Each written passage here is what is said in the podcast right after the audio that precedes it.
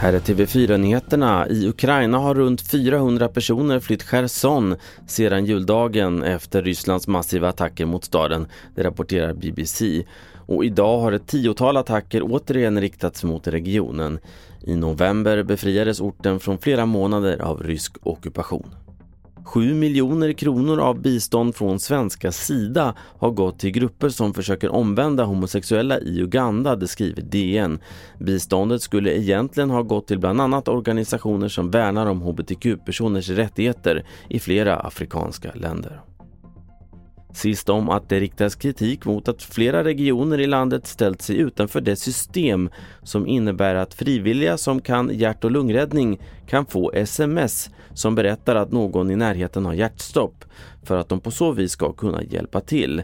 Riksförbundet Hjärtlung vill att fler regioner ska använda systemet. Vi hör ordföranden Anders Åkesson. Alla insatser vi kan göra för att rädda liv eh, i samband med ett hjärtstopp är ju bra. De första minuterna är väsentliga. Jag tror att de flesta också är intresserade att kunna hjälpa och stödja i ett läge där man själv kan. Och fler nyheter hittar du på tv4.se. Mitt namn är Carl-Oskar Alsen.